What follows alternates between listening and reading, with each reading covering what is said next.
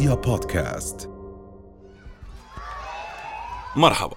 فريق بودكاست نقلا عن العالم رح يحاول اليوم وبكل حلقة ياخدك في جولة حول العالم. نتعرف من خلالها على عادات مشكلات اختراعات وغرائب ومواضيع غير متوقعة. اليوم رح نحكي عن فن المانجا الياباني. المانجا جزء من هوية اليابان وخلت العالم كله يتعرف على ثقافة اليابان. وبتغطي موضوعاتها مختلف الأعمار والأجناس والخلفيات الاجتماعية بكثير مواضيع منها التاريخ والرومانسية وحتى الخيال العلمي المستقبلي والموضوعات العميقة للحياة. وأكيد كمان روايات الأبطال الخارقين والرياضة والأحداث التاريخية والسياسية. ومن المعلومات المثيرة للاهتمام هو أنه المانجا بتساعد في بناء اقتصاد اليابان وجزء كبير منه معتمد على هالفن اللي أصلا طلع منه فن أفلام الأنمي. والمانجا هي الرسومات الغريبة الهزلية بالأبيض والأسود اللي بيتم عرضها في شكل قصة وبيعتقد البعض أنه أول ظهور لفن المانجا في اليابان كان بين القرنين الثاني عشر والثالث عشر. في سلسلة من رسومات الحيوانات عرفت باسم مخطوطات الحيوانات المرحة مثل الضفادع والأرانب وغيرها من الحيوانات واللي كانت مرسومة بملامح بتبتسم مثل البشر. أما مصطلح المانجا نفسه فقد استخدم لأول مرة عام 1798 لوصف الكتاب الهزلي الفصول الأربعة للرسام والشاعر والكاتب الياباني سانتو كيودين. لكن البعض بينسب الفضل في ابتكار فن المانجا للرسام الأسطوري هوكوساي اللي في عام 1814 أطلق مجموعة كتب هزلية مرسومة تحت عنوان مانجا وأطلق مجلته للمانجا عام 1874 واعتبرت مجلته هاي أول مجلة مانجا في العالم ولهيك بينسب له البعض الفضل في ابتكار صناعة رح تزدهر في المستقبل ورح تقدر قيمتها بمليارات الدولارات.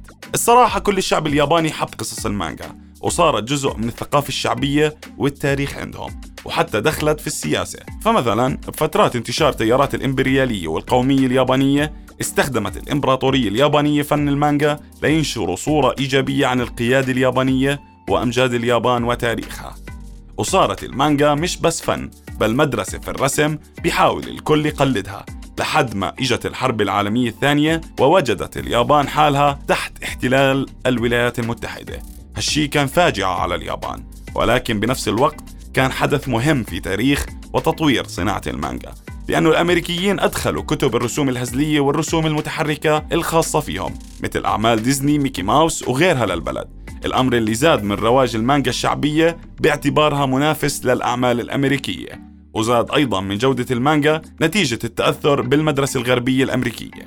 وفي المقابل هزيمة اليابان في الحرب حدت من مساحة استغلال السلطة لفن المانجا وأعطت الفنانين اليابانيين الفرصة لعرض أفكارهم وأسلوبهم الخاص. وفي مفارقة غريبة جدا بدأ جميع الرسامين في رصد وتوثيق الحرب وأثار القنبلة المدمرة في كتب المانجا الهزلية الساخرة. بالإضافة للحياة اليومية وأفكار المستقبل وبدأت جميع الصحف والمجلات في نشر المانجا بشكل منتظم. ومن أشهر هاي السلاسل اللي وثقت آثار القنبلة الذرية على هيروشيما وناكازاكي سلسلة المانجا جين الحافي اللي بتحكي عن الطفل جين اللي بيحاول مساعدة الجميع.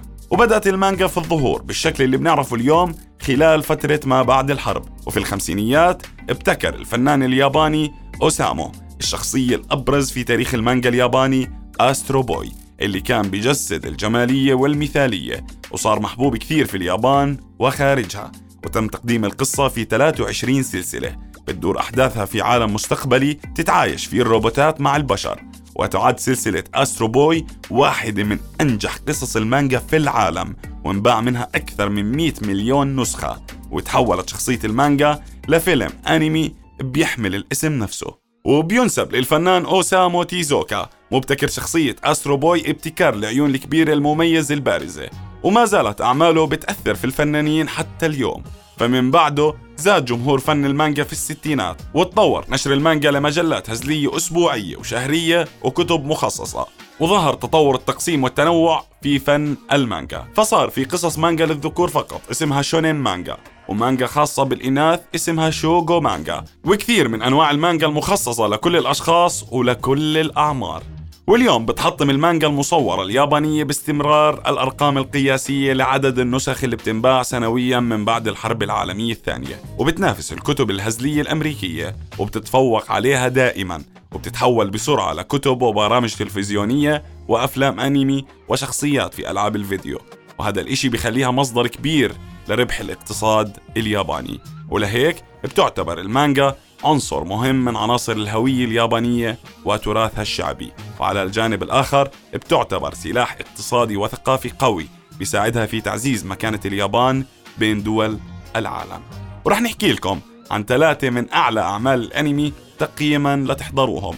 وأول واحد هو Fullmetal Alchemist Brotherhood وبيحكي عن الثورة الصناعية في أوروبا. في عالم خيالي بتكون فيه الخيمياء من أقوى التقنيات العلمية وبتتبع القصة الأخوين إدوارد إلريك وألفونس إلريك اللي بيبحثوا عن حجر الفلاسفة ليستعيدوا جسدهم بعد محاولتهم الفاشلة لتخطي الحدود ومحاولة إعادة أمهم للحياة. وحاصل المسلسل على تقييم 9.1 من 10 على موقع IMDb ثاني مسلسل هو Attack on Titan قصته بتتناول رحلة ايرن الفتى اللي قتلت والدته ودمر وطنه ويخطط الآن للانتقام من العمالقة اللي تسببوا في انقراض البشرية.